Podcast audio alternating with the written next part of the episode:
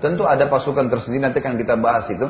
Tapi yang jelas di salah satu salah satu prajurit di pasukan dibentuk oleh Nabi SAW adalah Wahsy. Yang membunuh pamannya Nabi SAW tadi Hamzah itu kan. Wahsy berkata, saya pun pada saat ya selesai membunuh Hamzah, sampai saya masuk Islam, apalagi setelah masuk Islam, hati saya merasa berdosa luar biasa. Bagaimana bisa saya membunuh pamannya Nabi gitu, gitu kan? Dan saya terus saja dihantui dengan perasaan itu sampai saya bertemu dengan Musa al-Kadzab. Dan saya mengatakan, ini ya rasa takut ini, kekhawatiran akan hilang pada saat saya juga membunuh musuhnya Allah dan Rasulnya. Maka pada saat terjadi perang dengan Musa al-Kadzab, Wahsy melakukan hal yang sama. Mencari tombak khusus membunuh Musailamah. Dan akhirnya berhasil membunuh Musailamah. Dan Wahsy berkata, ini saya berharap di hadapan Allah akan mengimbangi pembunuhan terhadap Hamzah radhiyallahu anhu. Jadi ini kejadian yang berhubungan dengan Wahsy dan perlu juga kita tahu Bapak Ibu sekalian, ada hadis Bukhari, hadis ya yang sahih di mana Nabi SAW berkata Allah tersenyum dan tertawa dengan dua orang. Lalu para sahabat bertanya, seperti apa ya Rasulullah? Kenapa Allah tersenyum dengan dua orang? Kata Nabi SAW, dua orang yang saling berperang. Yang satu kafir, yang satu mukmin, muslim, gitu kan? Berperanglah. Lalu si kafir membunuh si muslim. Maka mati syahidlah si muslim. Otomatis berarti si muslim masuk surga, gitu kan? Mati syahid. Gak lama kemudian, si kafir ini mendapatkan hidayah masuk Islam. Kemudian dia juga ikut berperang, dia juga mati syahid dibunuh lagi orang-orang kafir yang lain. Allah Subhanahu wa taala tersenyum dan tertawa dengan dua orang ini. Artinya memang dua orang ini Allah Subhanahu wa taala mudahkan dengan hikmah Allah yang tadi muslim pertama dibunuh oleh kafir untuk masuk surga, kan gitu. Kemudian yang kafir Allah berikan hidayah masuk Islam lalu dia berperang juga, kemudian dia juga mati syahid. Dari dua orang ini membuat Allah taala ya tersenyum. Kata sebagian ulama, ini akan terjadi pada Hamzah dan Wahsy. Ini akan terjadi pada Hamzah dan Wahsy radhiyallahu anhum ajmain. Baik, kita kembali kepada sekitar Nabi Wasallam. Ya. Pada saat itu, di sekitar Nabi Shallallahu Alaihi Wasallam tadi saya bilang sembilan orang, tujuh orang berhasil dibunuh, tinggal dua orang. Waktu tinggal dua orang bersama Nabi Shallallahu Alaihi Wasallam, tepatnya pada saat itu yang menemani Nabi adalah Talha bin Ubaidillah dan Sa'ad bin Abi Waqqas, dua orang sahabat Nabi. Ya, lebih tepatnya juga kalau kita kembali kepada riwayat ini berarti yang terbunuh dari sembilan orang dari tujuh orang tadi, enam orang dari Ansar dan satu dari Muhajir. Kan tadi ada tujuh orang ya, tu, eh, tu, eh, tujuh dari Ansar dan dua dari Muhajirin. Dan tadi sempat saya bilang ada riwayat awal tujuh orang Ansar terbunuh semua, tinggal dua orang Muhajir. Tapi riwayat yang saya sebutkan sekarang karena adanya Sa'ad bin Abi Waqqas, gitu kan, dan juga Talha bin Ubaidillah, salah satunya adalah Muhajir. Maka berarti yang terbunuh satu orang muhajir dan enam orang dari ansor yang awal gitu. Mereka berdua berusaha membela Nabi Shallallahu Alaihi Wasallam sampai keduanya bersama Nabi SAW terjatuh ke dalam lubang yang dibuat oleh Abu Amir yang para ahli sejarah dan juga termasuk Nabi SAW sendiri dari kalimat Nabi yang mengatakan Abu Amir al Fasik diberikan julukan al Fasik artinya orang yang bermaksiat kepada Allah Subhanahu Wa Taala. Pada saat itu ada saudaranya Sa'ad bin Abi Waqqas. Masih kafir. Namanya Utbah bin Abi Waqqas. Sa'ad bin Waqqas dan Utbah ini terkenal di zaman jahiliyah dulu. Orang yang sangat luar biasa punya keterampilan bela diri. Ya, keterampilan berperang. Punya keterampilan berperang. Bapak ibu sekalian, pada saat mereka atau si saat masuk Islam, Utbah tetap dalam keadaan kafir dan mereka berdua ini sering berlatih bersama dulu ya saling mengetahui cara berperang gitu kan orang saling mengetahui istilahnya level bela dirinya sudah saling tahu gitu Utbah pada saat itu melihat saat saudaranya ada di situ dengan Talha bersama Nabi SAW dia pun sengaja datang. Karena dia benci kenapa saudaranya masuk Islam gitu kan? Maka dia datang menyerang. Pada saat itu Utbah bin Abi Waqqas datang bersama dengan Abdullah bin Abi Kamiyah atau Kamiyah ya. Abdullah bin Abi Kamiyah ini bersama dengan Utbah bin Abi Waqqas keduanya khusus datang ke lubang tadi. Ya, yang ada Nabi SAW bersama dengan Talha dan Sa'ad kemudian berusaha untuk menyerang Nabi SAW. Abdullah bin Abi Kamiyah sempat menghantamkan pedangnya dari atas lubang ke arah punggung kanan Nabi SAW. Karena lubang itu sampai di bagian kepala. Ya, sampai di bagian kepala. berarti terjangkau sekali kalau ditebaskan pedang. Sementara dengan tiga orang di dalam lubang, tidak bisa bergerak, mau nangkis bagaimana gitu kan? Nggak susah. Kecuali kalau mereka duduk itu pun dalam kondisi susah. Maka Abdullah bin Abi Kamiyah sempat menebaskan pedangnya dan sempat mengenai punggung sebelah kanan Nabi Sallallahu Alaihi Wasallam. Dan pada saat itu Nabi Sallallahu Alaihi Wasallam sempat merasa sakit, tapi kena pakai baju perang, maka tertahan gitu kan. Tapi beliau menyebutkan dalam hadis Bukhari, aku sempat merasakan sakitnya selama sebulan. Kata Nabi SAW, karena sakitnya, kerasnya hantaman dari atas tuh, ya untungnya tidak melukai, tapi sempat sakit, memar selama sebulan. Dan ini pelajaran besar Bapak Ibu sekalian ya. Allah Subhanahu wa taala ingin memberikan pelajaran kepada kita di sini bahwasanya nabi pun mengalami sakit. Ya, nabi pun mengalami sakit. Nabi pun mengalami kekalahan. Ya, ini belum cukup ya. Ternyata Ibnu ya Kamia tadi itu tidak cukup dengan tadi tebasan itu. Dia pada saat menebas Nabi SAW dengan keras, kena pundak kanan, diangkat sama dia, dia terang lagi. Gitu kan? Dia serang lagi. Dan sempat mengena pundak kiri Nabi SAW. Jadi kiri kanan yang kena. Ya, karena kerasnya pada saat itu cambukan atau hantaman dia sampai membuat baju-baju perang Nabi SAW besi-besinya, gitu kan, berantakan dan sempat ada yang tertancap di pundak Nabi SAW sehingga melukai pundak beliau yang mulia Sallallahu Alaihi Wasallam. Di sisi yang lain, Utbah bin Abi Waqqas tadi ini kan dua orang kafir di atas gua nih, di atas lubang tadi. Yang satu menghantamkan pedangnya, yang satu Utbah bin Abi Waqqas, saudaranya uh, Sa'ad bin Waqqas tadi, mengambil sebuah batu besar dan melemparkan ke arah wajah Nabi Shallallahu Alaihi Wasallam. Jadi memang sasarannya Nabi, dia tahu Nabi SAW gitu kan. Dan sempat Nabi SAW menepisnya dan sebagian dari batu itu ada pecahannya mengenai ya pelipis Nabi Shallallahu Alaihi Wasallam sehingga membuat luka ya pelipis kanan dan sempat juga membuat ya bibir beliau terluka Shallallahu Alaihi Wasallam dan ada gigi beliau yang sempat pecah Shallallahu Alaihi Wasallam.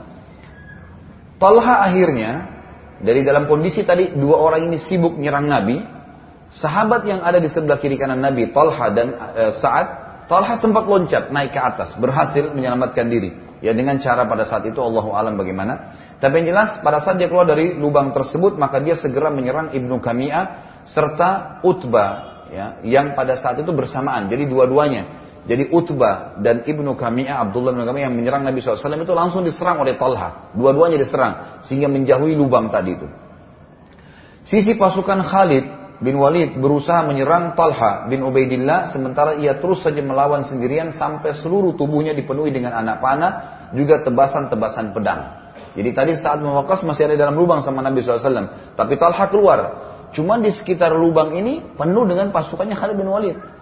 Tapi dia fokus kepada dua orang tadi, terus diserang sama dia sampai tidak tertinggal sedikit pun dari tubuh beliau radhiyallahu anhu, ya kecuali dipenuhi dengan tebasan pedang dan juga anak panah. Sampai Abu Bakar pada saat selesai perang Uhud berkata, sungguh Uhud adalah miliknya Talha. Talha bin Ubaidillah ini karena beliau akhirnya terbunuh mati syahid karena membela Nabi SAW. Artinya, mungkin pasukan muslimin yang lain kan membela pasukan umumnya. Tapi Talha ini menahan tubuhnya sampai disabet, sampai dibunuh oleh orang-orang Quraisy karena membela Nabi SAW secara khusus. Pada saat itu Bapak Ibu sekalian, Ali dan Zubair bin Awam radhiyallahu anhum, Ali bin Abi Thalib dan Zubair bin Awam pada saat Hamzah sudah terbunuh nih, gitu kan? Mereka kembali, mereka sempat kembali ya menuju ke arah sekitar lubang itu. Karena kan terpukul mundur oleh pasukan yang 2000 itu sampai berada di dekat lubang Nabi Shallallahu Alaihi Wasallam. Baru saja tiba dan segera membela Nabi SAW dan terjadi pertempuran seru di sekitar lubang yang terdapat Nabi SAW.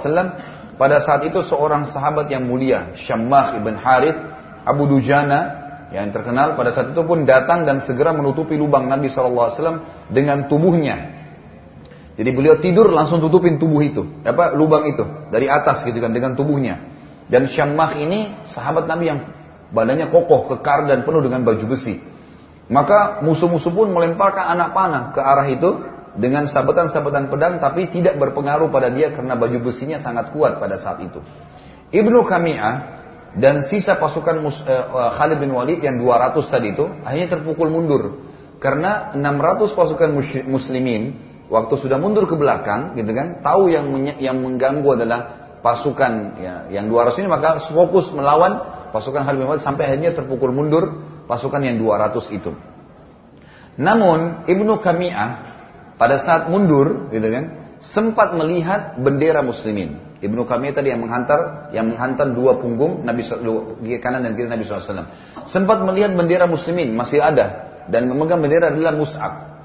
Perlu Bapak Ibu tahu juga, Mus'ab bin Umair adalah orang yang sangat dekat wajahnya dengan Nabi SAW. Sangat dekat wajahnya dengan Nabi Shallallahu Alaihi Wasallam. Ibnu Kami'ah pada saat perang lagi berkecamuk tadi itu, lagi serang-serangan dengan muslimin, dia mengira Nabi sudah keluar dari lubangnya. Dan dia mengira Nabi yang pegang bendera. Dia nggak tahu kalau Mus'ab. Dia datang dari belakang, kemudian menebas tangannya Mus'ab. Terpotong tangannya Mus'ab. Tangan kanannya lalu dipegang dengan tangan kiri bendera, dipotong lagi dengan tangan kirinya oleh Ibnu Kami'ah. Musab tahan dengan sisa tangannya lalu ditusuk. Musab bin Umair terbunuh radhiyallahu anhu mati syahid. Makanya termasuk pemimpin syuhada di Uhud adalah dua ya Hamzah dan Mus'ab. Karena Hamzah paman Nabi dan Mus'ab adalah pemegang benderanya Nabi Shallallahu Alaihi Wasallam. Terbunuh pada saat itu ya Musab bin Umar dan Ibnu Kami'ah berteriak dengan suara keras berkata aku telah membunuh Muhammad. Kalimat ini seperti virus di tengah kaum muslimin. Menyebar tiba-tiba dan sebagian umat Islam langsung percaya juga karena Ibnu Kami'ah tadinya yang sempat di depan lubang, gitu kan? Memang dia yang pegang pedang. Maka tersebar berita tersebut dan akhirnya muslimin hampir semuanya menyangka bahwasanya benar ya Nabi Wasallam telah terbunuh. Saya sini katakan dalam tulisan saya berita tersebut ibarat racun yang masuk ke dalam tubuh muslimin. Seluruh pasukan sangat terpukul sampai dalam riwayat Bukhari disebutkan Umar bin Khattab dan Sa'ad bin Mu'ad Dua orang sahabat yang sangat kuat dalam berperang nih.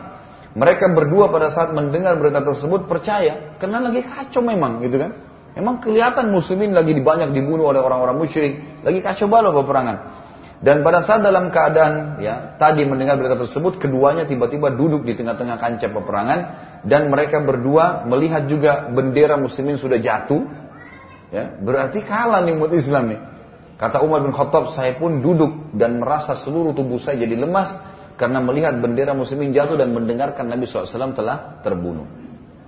Subhanallah dalam keadaan seperti itu Umar bin Khattab dan Sa'ad bin Mu'adz radhiyallahu anhu. Sa'ad bin Mu'adz ini salah satu pimpinan Ansar ya. Dan Sa'ad bin Mu'adz ini yang bersama Umar bin Khattab ini yang terkenal. Hadis Nabi SAW yang berbunyi, sungguh singgasananya Allah goncang dengan matinya Sa'ad. Sa'ad bin Mu'adz beliau punya ibadah yang sangat dekat dengan Allah SWT. Sampai Nabi memberikan isyarat mengatakan tergoncang sehingga sananya Allah dengan meninggalnya Sa'ad. Jadi beliau adalah orang yang sangat mulia sebenarnya. Pada saat itu, waktu dua-duanya sudah lemas di tengah medan perang, ada seseorang sahabat yang bernama Anas bin Nadar. Kalau Bapak Ibu masih ingat, Anas bin Nadar ini waktu perang Badar dia tidak sempat ikut. Karena di perang Badar itu kan Nabi SAW mengajak muslimin bukan mewajibkan ini kita mau serang ya, karavannya atau kafilahnya orang-orang Quraisy nih. Siapa yang mau ikut? Kan gitu saja kan penawarannya. Jadi bukan perang sebenarnya, cuma menyerang karavan. Maka banyak sahabat yang tidak ikut termasuk Anas bin Nadhr radhiyallahu. Beliau tidak ikut.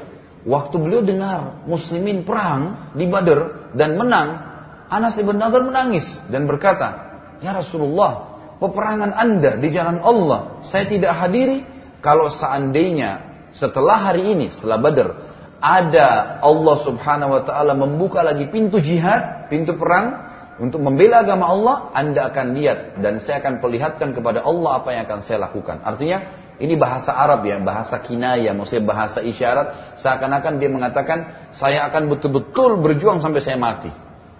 Ternyata anak bin Nadar radhiyallahu anhu ini orang yang komitmen, bukan main-main.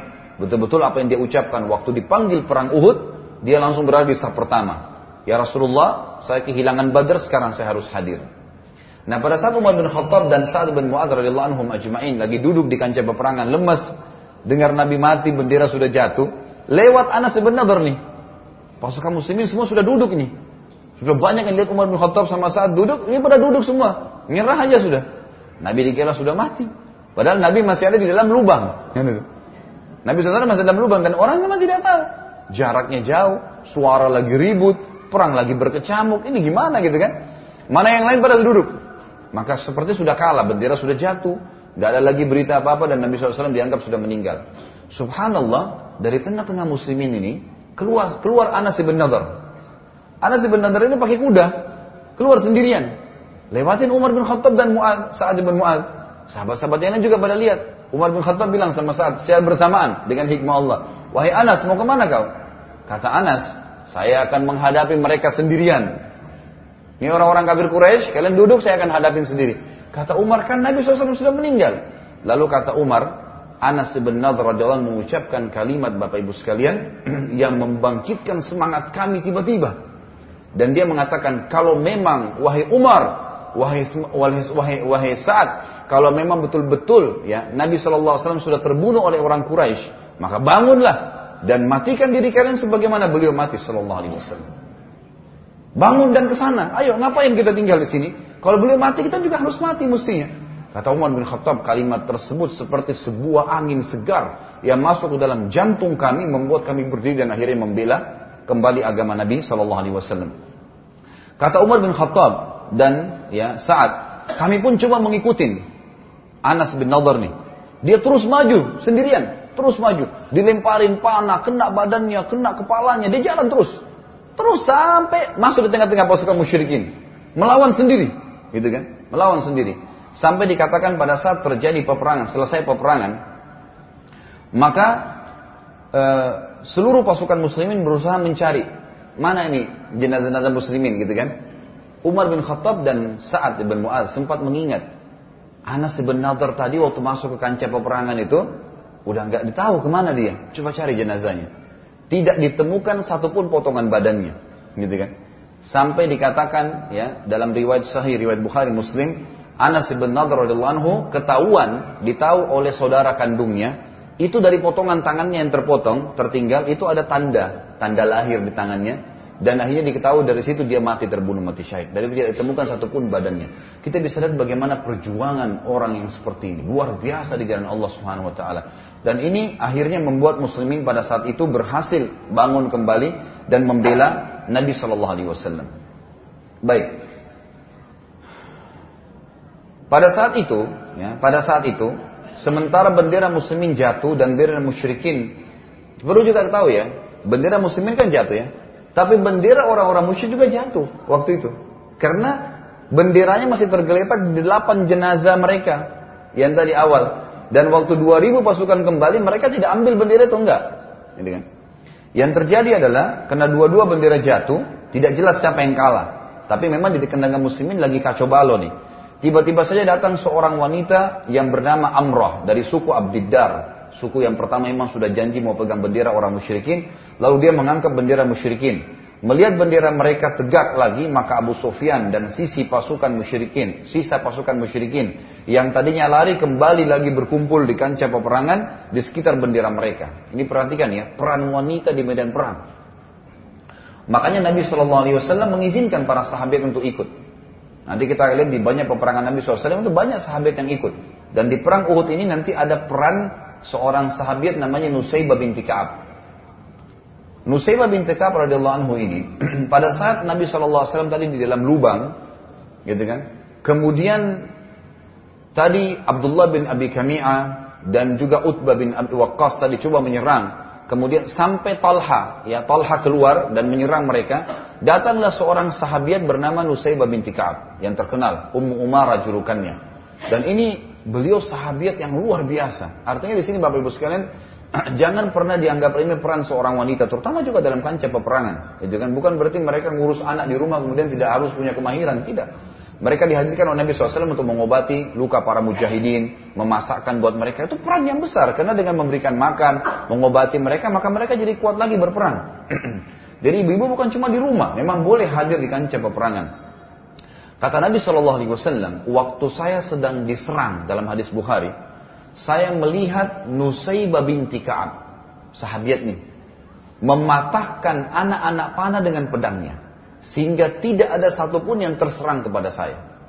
Ini luar biasa nih. Berarti pada saat itu kalau kita gabungkan riwayat yang berhasil coba memukul mundur pasukan Khalid bin Walid adalah dua orang dari sahabat.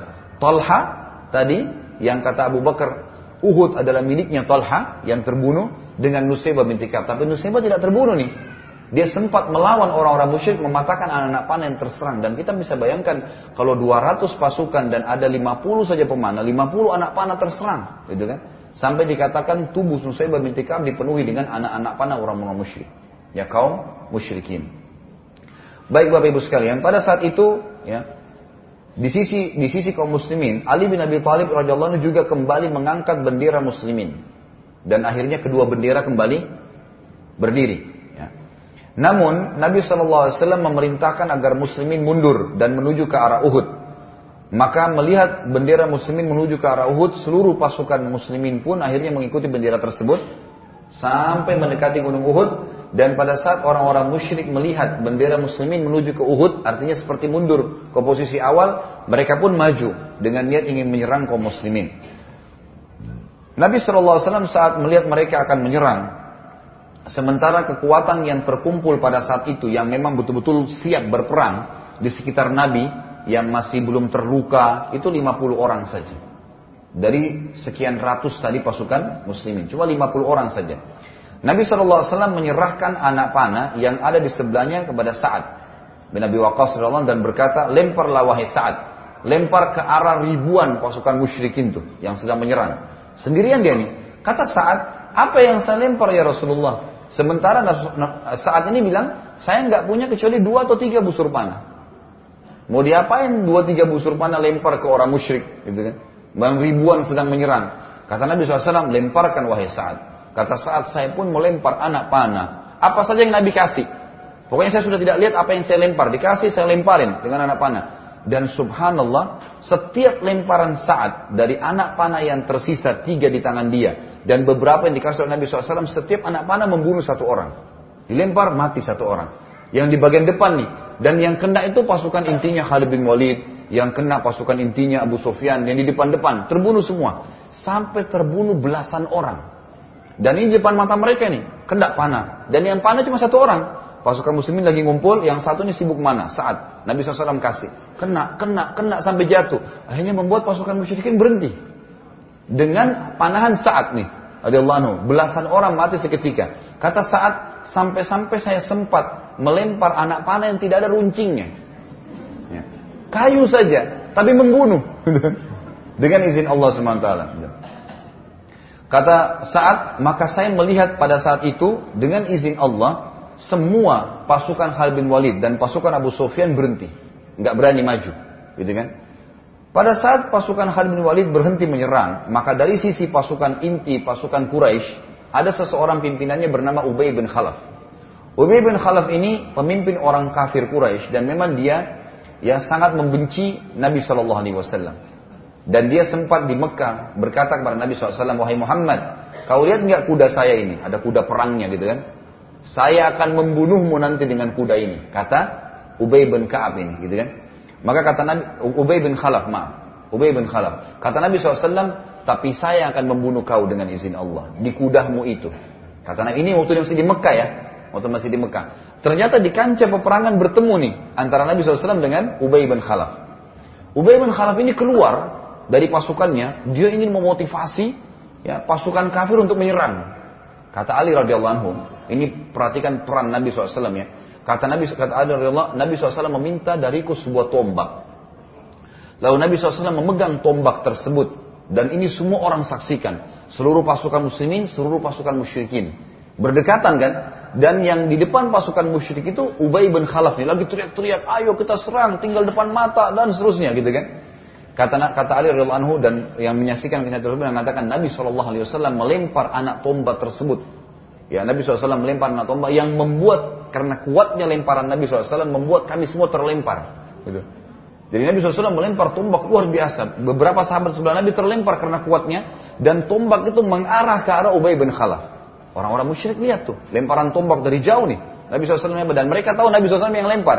Ubay bin Khalaf menghadap ke arah pasukan muslimin untuk menyerang. Melihat tombak tersebut, tombak itu tidak tidak mengenai tubuhnya. Tapi subhanallah di sisi kanan lehernya ya topeng atau topi yang dia pakai dari besi itu ada penyambung antara topi kepalanya dengan baju perang yang di badannya itu ada karet di situ kena di situ ya sampai melukai tombak itu cuma menyambar saja melukai lehernya gitu kan melukai lehernya dan tombak itu lewat.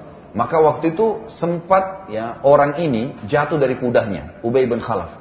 Karena kuatnya lemparan Nabi SAW cuma nyambar ya, dan sempat melukai sedikit jatuh. Lalu dia bangun sambil berkata waktu dia berdiri gemetaran. Dia mengatakan Muhammad telah membunuhku, gitu kan. Lalu orang-orang Quraisy melihat lehernya, nggak ada apa-apa, cuma luka sedikit. Dia bilang tidak. Kalau Muhammad meludah sekarang ke saya, saya mati, gitu kan. Ini dalam riwayat lain dikatakan karena sudah ketakutan luar biasa. Ternyata subhanallah Ubay bin Khalaf ini dikatakan dalam kisah ini kembali ke Mekah Bapak Ibu sekalian dan karena luka di lehernya mati. Justru karena luka yang Nabi SAW lemparin tadi itu mati, gitu kan? Maka kata Nabi SAW waktu itu dalam hadis Bukhari, sungguh murka Allah memuncak pada seseorang yang dibunuh oleh nabinya. Dan Nabi SAW tidak banyak membunuh orang, gitu kan? Tapi Ubay bin Khalaf ini mati di tangan Nabi SAW karena kena tepisan tombaknya tadi. Maka kata Nabi SAW, sungguh murka Allah memuncak kepada seseorang yang dibunuh oleh nabinya, atau Nabi Allah Subhanahu Wa Taala. Pada saat itu kita tutup dengan kisah-kisah ini ya.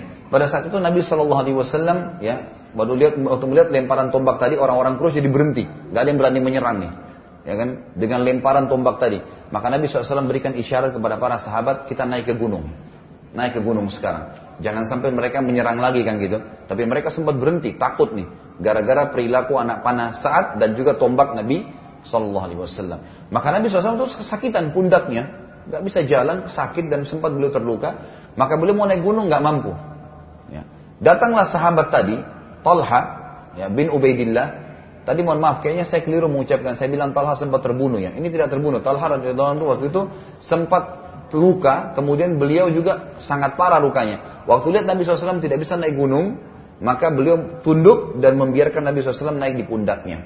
Maka naiklah Nabi SAW ke atas bukit. Ini sebuah kisah peperangan yang luar biasa ini. ini. Naiklah Nabi SAW di atas gunung ya bersama dengan para sahabat. Dan pada saat Nabi SAW naik di atas gunung didampingi oleh Abu Bakar, Umar, dan juga Uthman radhiyallahu anhum ajma'in. Jadi Nabi SAW berdiri menghadap pasukan musyrikin dan di sebelah kiri kanannya ada Abu Bakar, ada Umar dan di belakangnya ada Utsman bin Affan.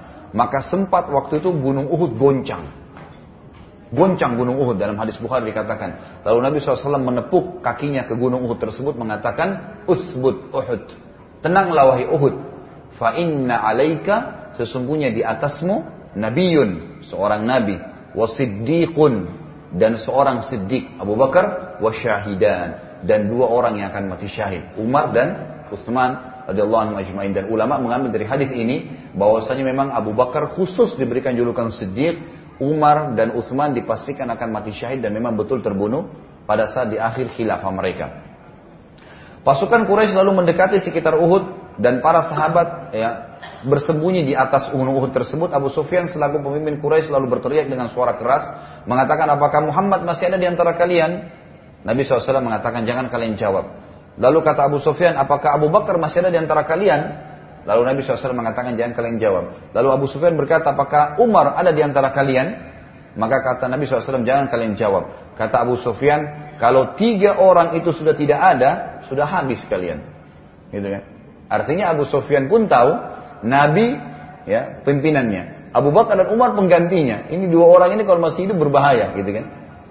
Maka Umar pun tidak bisa tahan waktu itu lalu berkata, "Wahai musuh Allah, kami semua masih hidup." gitu kan. Maka Abu Sufyan pun mengenal suara Umar. Umar suaranya jahur, keras. Kedengaran tahu. Umar berdiri dan kelihatan gitu kan. Yang ini kena jarak jauh jadi samar-samar. Umar berdiri lalu suaranya keras mengatakan kami semua masih hidup wahai musuh Allah. Abu Sufyan mengatakan saya lebih percaya kepada kau hai Umar daripada Abdullah bin Abi Kami'ah. Kami'ah tadi kan itu yang mengatakan Muhammad sudah saya bunuh ya. Berarti betul Umar, saya lebih percaya kamu daripada dia. Berarti Muhammad masih hidup. Lalu pada saat itu Abu Sufyan sempat teriak mengatakan, ya, telah menang Hubal. Hubal ini patung mereka yang dianggap Tuhan. Nabi SAW mengatakan, tidakkah kalian menjawab? Kata Umar, apa ya Rasulullah? Kami harus jawab. Kata Nabi SAW, bilang, Allah a'az wa akram. Allah itu jauh lebih mulia dan lebih terhormat daripada Tuhan-Tuhan kalian. Abu Sufyan bilang, kami memiliki alat dan tidak ada lat buat kalian. Kami punya Tuhan patung yang lain. Kan Uzza tadi sudah dianggap ditepis. Ya, Uzza itu kan kemuliaan ya. Kata Nabi SAW, tidak. Allah itu yang az. Az, Allah yang lebih mulia, gitu kan? Lalu dia bilang, Abu Sufyan bilang, kalau begitu kami masih punya Lat, ada Tuhan lain, patung lain gitu. Kan? Lalu Umar menjawab, Allah lah satu-satunya Tuhan tempat bersandar, tidak ada yang lain. Abu Sufyan berkata lagi, sungguh inilah imbalan atas kekalahan kami di Badr. Perlu aku ingatkan bahwasanya pada jenazah-jenazah kalian terdapat mutilasi. Dan itu tidak saya perintahkan, tapi juga tidak saya larang. Umar menjawab, sungguh korban kami akan di surga dan korban kalian di neraka. Pasukan Quraisy balik menuju ke arah Mekah para dan sementara Nabi SAW dan para sahabat sibuk mengurus jenazah para sahabat, sibuk mengurus jenazah para sahabat. Tapi pada saat itu perlu kita ketahui Bapak Ibu sekalian dan saya tutup dengan kalimat ini. Tentu kisah Uhud masih dilanjut ya. Masih butuh satu pertemuan lagi. Nanti akan kita jelaskan ya bagaimana e, Nabi SAW selesai perang Uhud, siapa saja korban-korbannya, kemudian apa yang Nabi SAW lakukan pada saat pulang ke Madinah. Nanti akan ada peperangan yang terjadi setelah itu ditinggal dengan peperangan perang Hamra Asad. Ya, ini kelanjutan perang Uhud, ya, kelanjutan perang Uhud. Tapi jelas Nabi Shallallahu Alaihi Wasallam pada saat itu ya sempat mengumpulkan korban-korban para sahabat. Kemudian ya sempat beliau berkata, carikanlah Saat ibn Rabi'ah untukku. Saat ibn Rabi'ah ini salah satu pimpinan dari Ansar. Ya, lalu sahabat pun keliling di kancah peperangan mencari mana dia nih. Karena pasukan musyrikin sudah balik tuh. Sudah balik waktu itu ya, sudah balik, mereka sudah pulang, maka pasukan muslimin turun mencari jenazah-jenazah para sahabat. Maka pada saat ditemukan jenazah saat ya atau saat lagi berada di antara pasukan musyrikin dan nafasnya sudah terakhir. Kata sahabat yang menemuinya berkata, "Wahai Sa'ad, Rasulullah mencarimu." Kata Sa'ad dan memberikan salam kepadamu. Kata Sa'ad, "Balaslah salamku untuk Nabi sallallahu alaihi wasallam dan sampaikan kepada Nabi jazahullahu khaira." Ya. Semoga Allah membalas beliau dengan kebaikan yang terbaik yang diberikan balasan untuk para nabi, gitu kan? Lalu kata Nabi Shallallahu Alaihi Wasallam, eh, lalu kata uh, Saad dan sampaikan kepada kaumku, tidak ada uzur buat mereka. Orang-orang Ansar Madinah tidak membela Nabi Shallallahu Alaihi Wasallam di hadapan Allah Subhanahu Wa Taala dan ini kemuliaan yang mereka tidak boleh tinggalkan. Lalu saat pun akhirnya terbunuh mati syahid pada saat itu radhiyallahu anhu. Nanti akan kita jelaskan di pertemuan akan datang insya Allah ada beberapa sahabat yang memang dijadikan sebagai korban mutilasi. Di antaranya nanti yang lebih banyak fokus adalah Hamzah radhiyallahu anhu dan kemudian kita akan Eh, paparkan beberapa nama sahabat insya Allah yang terbunuh di perang Uhud.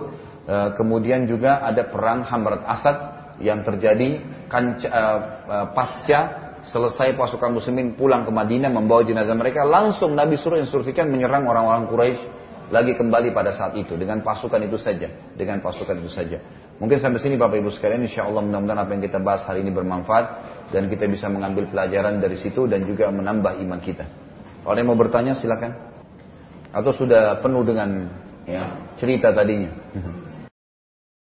Iya, ditulis bu kalau bisa maaf. Ya. Saya minta dan saya harap pertanyaannya sekitar sirah ya. Nah, jangan sampai tanya yang lain dulu nih, nanti nggak nyambung. Baik, saya mulai pertanyaan pertama ya. Namun sebelum saya lupa, Bapak Ibu sekalian ada waktu saya pernah jelaskan di awal-awal sirah itu ada uh, tentang Jabal Nur yang ada Gua Hira, ada Jabal Sur, tempat sembunyi Nabi SAW waktu mau hijrah ke Madinah. Kemudian uh, mungkin ada beberapa tempat-tempat yang bersejarah ya, termasuk uh, sumur air zam-zam itu sendiri. Uh, saya temukan waktu umroh kemarin, buku ini sangat lengkap, bergambar. Dan bergambar ini uh, saya melihat bagus karena berwarna ya. Dan kita bisa melihat seperti ini misalnya, ini ada gambar Jabal Sur ya diberikan titiknya di mana, kemudian seperti apa dari dalam. Walaupun sebenarnya kita tidak perlu untuk naik ke sana karena terlalu jauh dan memang tidak ada perintahnya dalam syariat. Tapi di sini cukup dengan gambar seperti ini kita bisa lihat. Jadi kalau Bapak Ibu ada keluarganya yang lagi umroh atau haji, bisa titip pesan. Ini biasanya hampir semua jemaah haji dititipin, apa ditawarin biasanya ya. Ini ada bahasa Indonesia-nya. Jadi keterangan di dalamnya ada bahasa Indonesia. Kalau ada yang perlu di sini bisa mungkin datangi tempat saya nanti di Kalibata. Saya juga sudah menyiapkan beberapa example. Tapi saya lihat ini buku cukup bagus ya dalam bentuk gambar ya sehingga bisa kita simpan. Saat mendengarkan sejarah peperangan kaum muslimin, bulu kudu kami berdiri merasakan kesungguhan dan semangat serta kekuatan mereka dalam menegakkan Islam. Namun rasa miris muncul terhadap umat Islam di dunia saat ini di mana keadaan kita yang di apa ini? ya oleh orang-orang musyrik. Apa sebenarnya yang salah dari umat ini? Jadi ini Syekh Utsaimin rahimahullah sudah sebutkan sebenarnya. Kesalahan umat Islam sekarang ini adalah mereka tidak kembali kepada agama mereka. Banyak hadis ya, banyak hadis. Di antaranya hadis Nabi SAW yang berbunyi, nanti akan datang satu zaman di mana umat-umat selain kalian, selain umat Islam ya, akan menggerogoti kalian seperti sebuah apa rayap ya, rayap yang memanggil teman-temannya untuk menggerogoti sebuah makanan. Ada makna lain seperti seseorang yang memanggil tamu-tamunya atau teman-temannya untuk makan di sebuah nampan dan kalian itu nampannya lagi diperebutkan. Maka para sahabat berkata ya Rasulullah, kok bisa? Sedikitkah jumlah kami pada saat itu? Kata Nabi SAW, tidak. Bahkan kalian banyak, lebih banyak dari orang kafir itu. Sahabat bingung karena zaman dulu pasti sahabat lebih sedikit tapi menang terus gitu kan. Nanti kita lihat nanti di perang Uhud ini bukan kalah ya. Nanti kita lihat yang saya jelaskan nanti ada perang Hamrat Asad itu yang luar biasa. Jadi Nabi SAW waktu pulang ke Madinah membentuk pasukan yang sudah ikut di Uhud. Nah instruksi Nabi begini, semua yang ikut Uhud nggak boleh pulang, nggak boleh masuk rumahnya. Dalam kondisi masih berdarah, masih luka, naik kuda, berangkat lagi, kejar orang Quraisy. Jadi suruh Nabi SAW luar biasa gitu pada saat itu terjadi nanti. Mereka tidak pernah kalah di peperangan dan pada saat mereka menyerang lagi orang-orang Quraisy malah ketakutan, buru-buru ke Mekah karena mereka bilang ini gimana caranya pasukan baru kalah, luka-luka udah bisa pasukan baru nyerang kalau orang lemah pasti nggak mungkin. Nah karena gara-gara strategi Nabi itu akhirnya orang Quraisy terkenal Jazirah Arab terkalahkan dalam medan perang, gitu kan? Dan memang Nabi menunggu di sebuah tempat namanya Hamrat Asad. Nanti kita lihat. Maka para sahabat bingung pada saat itu. Apakah kami sedikit waktu itu ya Rasulullah? Kata Nabi SAW, tidak. Kalian sangat banyak, bahkan mungkin melampaui jumlah orang-orang kafir. Tapi kalian seperti bui di air, di lautan. Gitu kan? Bui kita ada di lautan kan tidak ada nilainya. Di mana air jalan, dia akan busa-busanya itu pasti akan ikutin airnya. Seperti itu kalian. Mudah terombang ambing. Dan pada saat itu yang menjadi penyebab utama adalah al-wahan. Kata para sahabat, ya Rasulullah, apa itu wahan?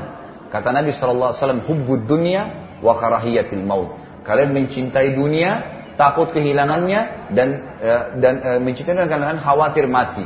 Dalam riwayat Tirmidzi dikatakan, hubbud dunia wa karahiyatul jihad. Kalian cinta dunia dan takut berjihad. Nah pada saat itu, Ya pada saat seperti itu memang umat Islam tidak mau bela agamanya, umat Islam lagi dibunuh, mereka biasa saja, mereka anggap aman-aman kita masih bisa makan, tidak minta mendoakan. Nah ini kelemahannya memang. Mestinya kita punya kepedulian, mestinya punya kepedulian, minimal dengan doa. Ya kata Ibnu Utsaimin rahimahullah, mestinya Islam kembali kepada kemuliaan. Tidak ada Bapak Ibu sekalian di zaman Nabi SAW dan para sahabat sesuatu dari muslimin yang dirampas secara paksa kecuali Nabi SAW seluruh rampas secara paksa. Emang begitu. Jadi nggak mungkin Palestina ini sekarang kita mengkhayal dengan perdamaian. Nggak bakal mungkin. Berapa banyak umat Islam sudah dibunuh? Emang harus perang? Nggak bisa. Harus jihad, komandanin perang. Kalau masalah pemimpin umat Islam sekarang kenapa tidak komandankan? Ya itu secara individu mereka. Ini semoga Allah berikan hidayah. Itu kan? Ini harusnya kita memimpin. Harusnya kita memang berperang. Gitu kan? Kalau ada seorang pemimpin muslim yang luar biasa memang imannya, dia akan suruh perang. Kalau saya jadi raja ke anda semua, saya akan bilang, ayo jihad, perang semua. Nah, kita perang kenapa enggak? Gitu kan? Cuma sayangnya ketakutan orang-orang Islam ini. Hanya masalah itu, kalau mereka berani saja tegakkan agama Allah, sekarang kita umat Islam ditipu. Mereka mengatakan orang Islam teroris hanya dengan dua tiga orang berperang. Misalnya, Amerika masuk ke Irak, merampok Irak, ngambil minyaknya tiap hari dengan alasan Saddam Hussein yang buat masalah. Lo apa urusannya dia dengan Saddam Hussein? Apa urusannya dia mengambil minyak-minyaknya? Jadi penjajahan tapi dengan cara modern. Umat Islam ditipu lagi. Dan anehnya kita tahu sebenarnya, tapi pura-pura tidak tahu. Ini kelemahannya. Kalau kita bisa angkat ini, ya kita tidak cinta dengan dunia mendahulukan agama dan kita akan berperang meninggikan jihad, maka insya Allah akan selesai. Umat ke orang kafir itu takut dengan istilah jihad sebenarnya. Makanya mereka selalu menyebarkan momok-momok negatif tentang jihad. Dari sisi lain, ada juga umat Islam yang menyalahgunakan nama jihad. Nggak benar gitu kan. Hanya secara individu, hanya secara itu tidak boleh sebenarnya. Bagaimana Nabi SAW selamat dari lubang sewaktu dikepung oleh kaum uh, oleh pasukan. Jadi beliau SAW waktu Khalid bin Walid dan Zubair tadi datang radhiyallahu anhuma, gitu kan. Kemudian dengan sisa pasukan muslimin, dan terpukul mundur pasukan Khalid bin Walid gitu kan karena dipukul oleh pasukan muslimin yang mundur maka Nabi SAW keluar pada saat itu sempat diangkat oleh beberapa sahabat dan beliau keluar nah pada saat beliau keluar beliau langsung mengatur strategi menyuruh saat memanah tadi kan lalu beliau juga melempar tombak pada saat itu Gimana dengan umat Islam sekarang? Bayatnya kepada siapa? Jokowi atau ulama? Kira-kira kepada siapa? Ya Jokowi lah. Jelas pemimpin kita, itu kan? Jelas pemimpin. Sudah sekarang umat Islam ini saya sarankan tidak usah buat masalah. Jalanin kehidupan bersama pimpinan. Kalau ada sesuatu yang buruk bertolak belakang dengan agama tidak dipatuhin. Kalau semua bertolak belakang bersama dengan agama patuhi. Karena itu perintah Allah. Ya alladzina amanu Allah wa Rasulullah uli amri minkum. Ya, taati hai orang beriman, taati Allah Rasul dan pemimpin kalian dan memang beliau pemimpin kita sekarang. Kenapa nggak dipatuhi? Apa alasannya? Nggak ada lagi alasan sekarang karena tadinya awal saya nggak suka, saya nggak gini sudah nggak ada ceritanya itu. Sudah jadi pemimpin wajib dipatuhi. Ada banyak orang Islam nyebarin isu khawatir dia benci Islam, khawatir dia pura-pura Islam. Itu kan isu. Benar nggak itu? Gitu kan? Kalau anda pun misal khawatir nanti dia benci Islam segala, siapa itu Pak Jokowi itu? Mau dibandingkan dengan Fir'aun? Nggak bisa. Fir'aun itu Allah tenggelamkan di laut. Namrud Allah bunuh dengan seekor lalat. Apa yang mau dikhawatirin? Biarin memimpin lihat hasilnya, gitu kan? Apa memang selama ini pemimpin sebelumnya sudah berhasil semua terapin Islam? Gak ada. Mana hasilnya coba? Yang lalu-lalu, gitu kan? Kebanyakan jalan raya yang ada sekarang dari presiden yang sebelumnya lagi, yang datang pun belum tentu ada hasilnya. Ya, biarin aja, gitu kan? Kita sibukkan ibadah masing-masing, Bapak Ibu sekalian. Ada orang ini habisin waktu tidak ada gunanya. Sibuk dengan kenapa dia mimpin, kenapa dia begini, apa gunanya? Anda sudah zikir pagi belum? Nah, sudah sholat subuh tadi berjamaah belum? Itu dikerjain, baca Quran, hadiri majelis ilmu. Karena hari kiamat ditanya itu sama Allah. Bukan kamu jeblos Jokowi atau enggak, gitu kan. Nah, iya, Ustadz gimana saya tahu kalau mau jihad tidak boleh punya utang. Sekarang banyak orang Islam punya utang. Gimana kalau perang? Makanya jangan utang. Jangan utang. Sekarang perbankan konvensional, tempat-tempat ribawi ini memang sengaja menjerumuskan umat Islam dalam utang. Utang itu hanya boleh dalam Islam kalau darurat. Darurat saja. Itu kan? Kalau penting darurat boleh, tapi kalau enggak enggak boleh nggak ada alasan untuk kita harus ya apa namanya uh, uh, jadi kita tidak ada kewajiban uh, apa tadi? Saya sampai lupa. Ya? Utang. Jadi kita tidak harus utang kecuali darurat. Jadi nggak boleh. Sampai kata Nabi SAW orang yang mati syahid semua diampuni kecuali utangnya. Gitu kan? Nggak boleh. Dalam hadis ini dikatakan ruh seorang mukmin bergantung antara langit dan bumi selama utangnya ada. Jadi utang itu darurat. Dan kata Nabi SAW kalau utang pun maka harus diikuti dengan niat dari awal baik. Apa niatnya? Gitu. Niat membayar. Kata Nabi SAW siapa yang pertama utang niat membayar maka Allah SWT akan memudahkan dia untuk membayarnya. Gitu kan? Tapi orang dari awal tidak niat ingin membayar maka akan jadi masalah ya. Allah SWT akan sulitkan dia untuk membayarnya. Jadi sekarang memang harus lepaskan diri dari utang. Negara kita punya utang, kita individu utang. Hiduplah dengan apa yang ada Bapak Ibu sekalian. Jangan paksakan diri. Banyak orang utang ini karena memaksakan diri. Kemarin ada seorang ibu bilang sama saya, Ustadz, saya kalau tidak KPR rumah, saya tidak akan pernah punya rumah. Saya balik tanya, ibu kalau nggak punya rumah kenapa? Emang nggak bisa ngontrak? Bisa Ustadz, baik ngontrak dulu sampai punya tabungan, punya uang baru beli rumah cash. Oh nanti kalau saya meninggal, ya sudah meninggalkan sudah ada surga. Udah ada nunggu rumah abadi sana. Ngapain paksain diri di dunia?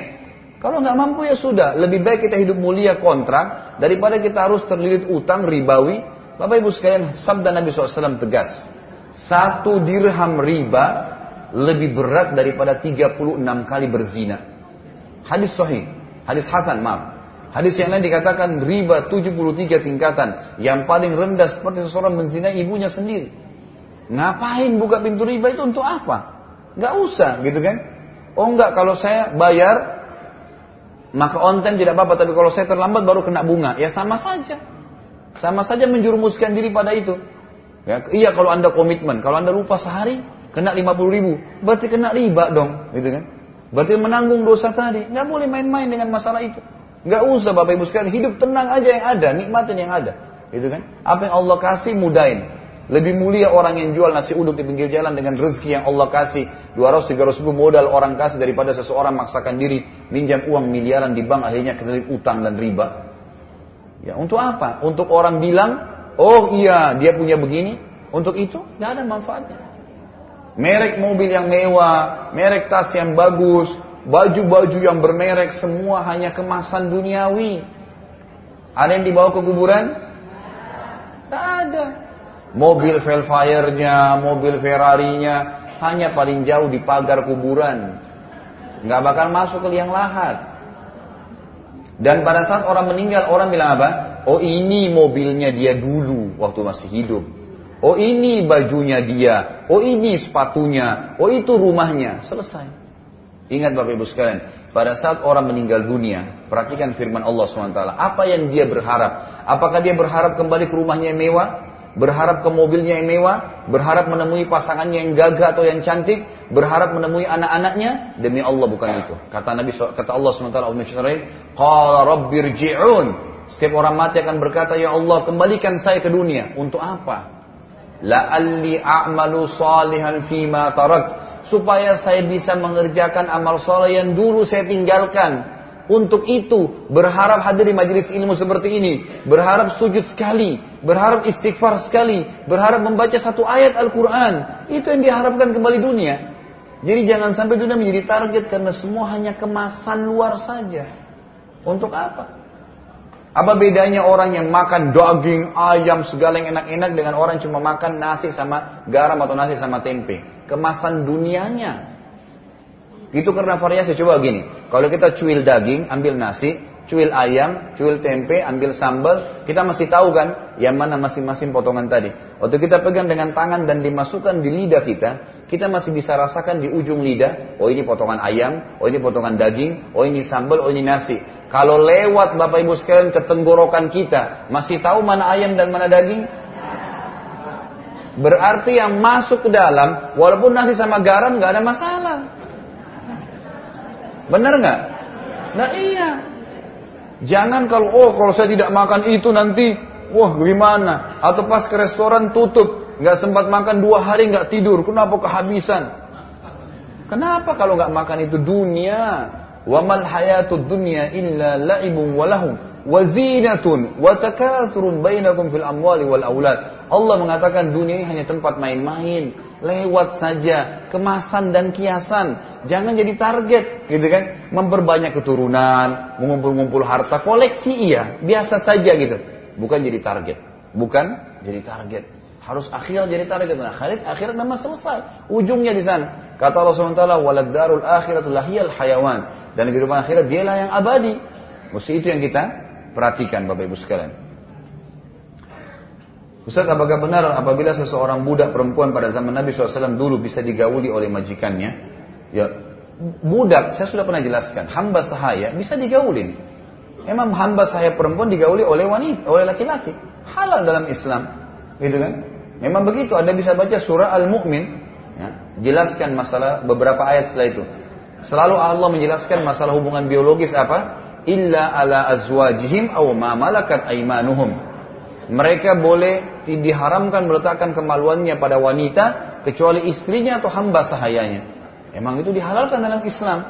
Apa yang jadi masalah? Ya, itu sesuatu yang memang dibolehkan dalam Islam. Tapi lebih mulia kalau dia bebaskan dan dia nikahi. Sebagaimana Nabi Shallallahu Alaihi Wasallam membebaskan Sofia binti Huyai, salah satu istri Nabi SAW dan dijadikan sebagai ya istri beliau. Ustaz benarkah persentase infak yang harus saya keluarkan setiap bulannya? Apakah dua setengah persen dari penghasilan saya setiap bulan? Kalau yang anda maksud ini zakat profesi, saya termasuk berpegang pada pendapat ulama yang tidak ada zakat profesi. Ya, karena zakat itu syaratnya ada dua, ada haul dan ada nisab. Ya, ada haul satu tahun dan anda tentukan sendiri haul anda. Misal Januari ke Januari, Ramadan ke Ramadan. Misal Bapak Ibu yang hadir sini belum menentukan haulnya. Niatkan misalnya Ramadan yang lalu haul saya deh, mulai haul. Memulai perhitungan satu tahun ya. Berarti Ramadan akan datang tutup buku. Ya. Istilahnya tutup buku sendiri ya. Lihat, ya, pada saat itu apa yang tertinggal, yang tersisa. Kita keluarin kebutuhan kita hari itu, tersisa misalnya tabungan. Kalau mencapai nisab, syarat kedua. Pertama haul, setahun, Anda tentukan sendiri masanya. Selama haul itu, Ramadan ke Ramadan, apa pun yang Anda dapatkan, itu masuk dalam akumulasi nantinya, tapi tidak dikeluarkan langsung. Misal, Ramadan ke Ramadan, bulan Syawal kita dapat warisan, bulan Rabiul Awal dapat keuntungan jual mobil atau rumah. Itu belum dikeluarkan semua zakatnya. Nanti tiba haulnya, Ramadan akan datang, dikeluarkan. Karena bisa saja orang untung nih, keuntungan mobil 100 juta misalnya. Dapat warisan 200 juta. Ternyata sebelum tiba Ramadan, bulan Rajab misalnya, kebakaran. Habis semua mobilnya, habis modalnya. Zakat apa yang mau dikeluarin? Gak ada. Makanya ada masa haul, tenggang waktu setahun. Biarin semua itu bertamulasi, nanti terakhir Ramadan, Anda tutup buku Anda. Lihat yang tersisa. Tabungan atau dana investasi. Yang dipakai nggak ada zakatnya. Mobil yang dipakai, rumah yang dipakai, pakaian tidak ada zakatnya semua. HP yang dipakai walaupun mahal. Ya, yang ada zakatnya adalah yang sifatnya memang diinvestasikan. Termasuk kata ulama yang punya nilai jual yang tinggi seperti emas dan perak. Walaupun dipakai oleh ibu-ibu tetap juga ada zakatnya nanti. Masuk dalam akumulasi setahun. Setelah tiba masa haul, dilihat nisabnya. Kalau mencapai 82 gram emas, maka dia akan dikeluarkan zakatnya ya eh, dua setengah persen dari zakat. Jadi tidak ada zakat yang tiap bulan anda keluarkan, tidak ada setahun sekali. Yang anda keluarkan ya, sebulan sekali itu mungkin sodakah saja, gitu kan sodakah saja. Apakah pakaian takwa termasuk syarat dalam sholat? Bagaimana yang masih berpakaian isbal atau eh, apakah sah sholatnya? Jadi memang pakaian takwa wajib, sholat atau tidak sholat, gitu kan?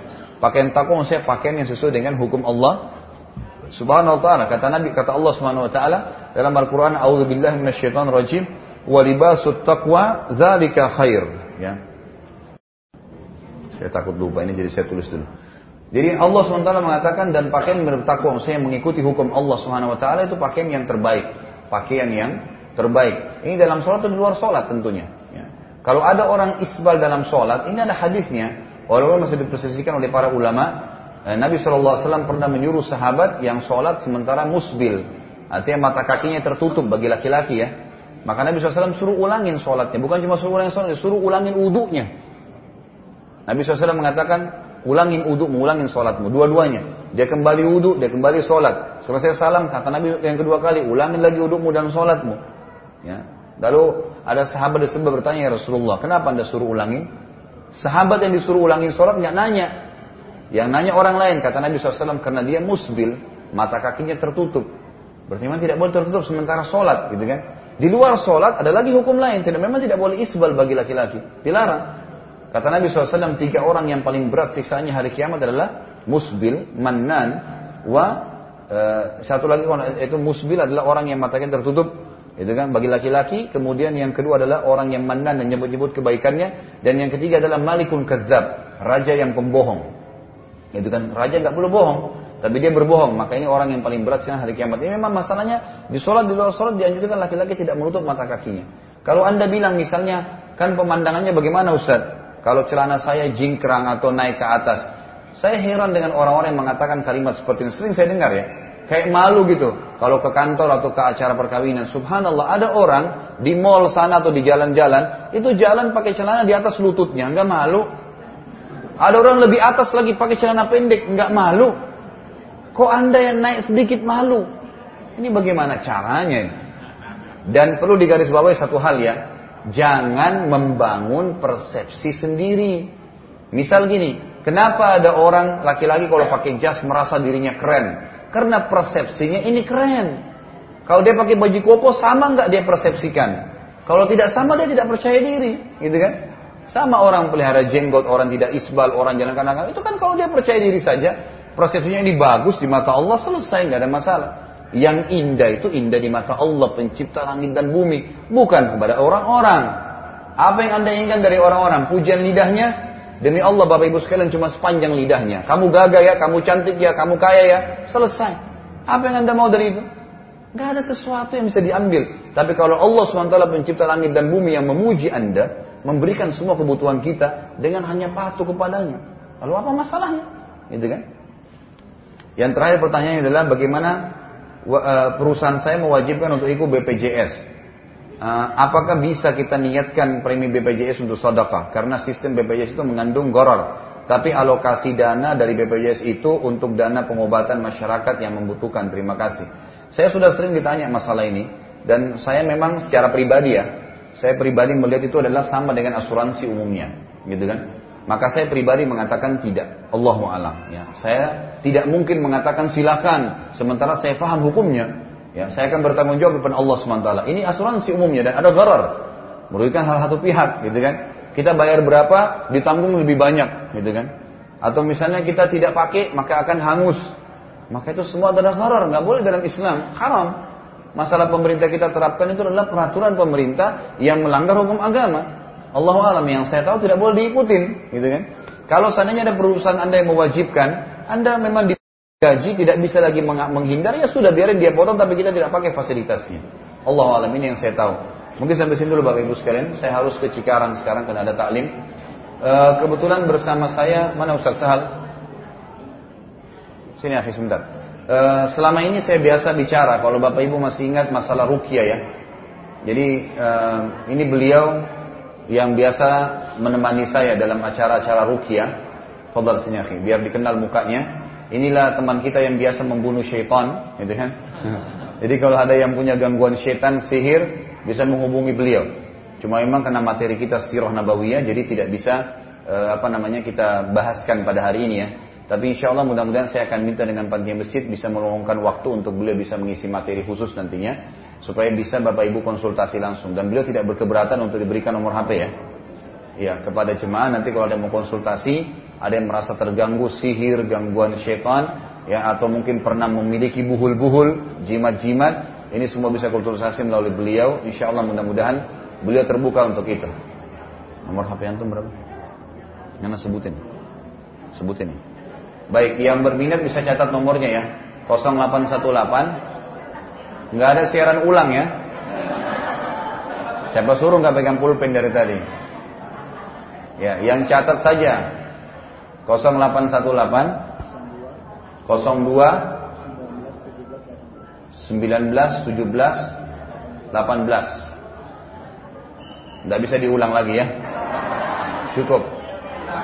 Ikuti di YouTube nanti.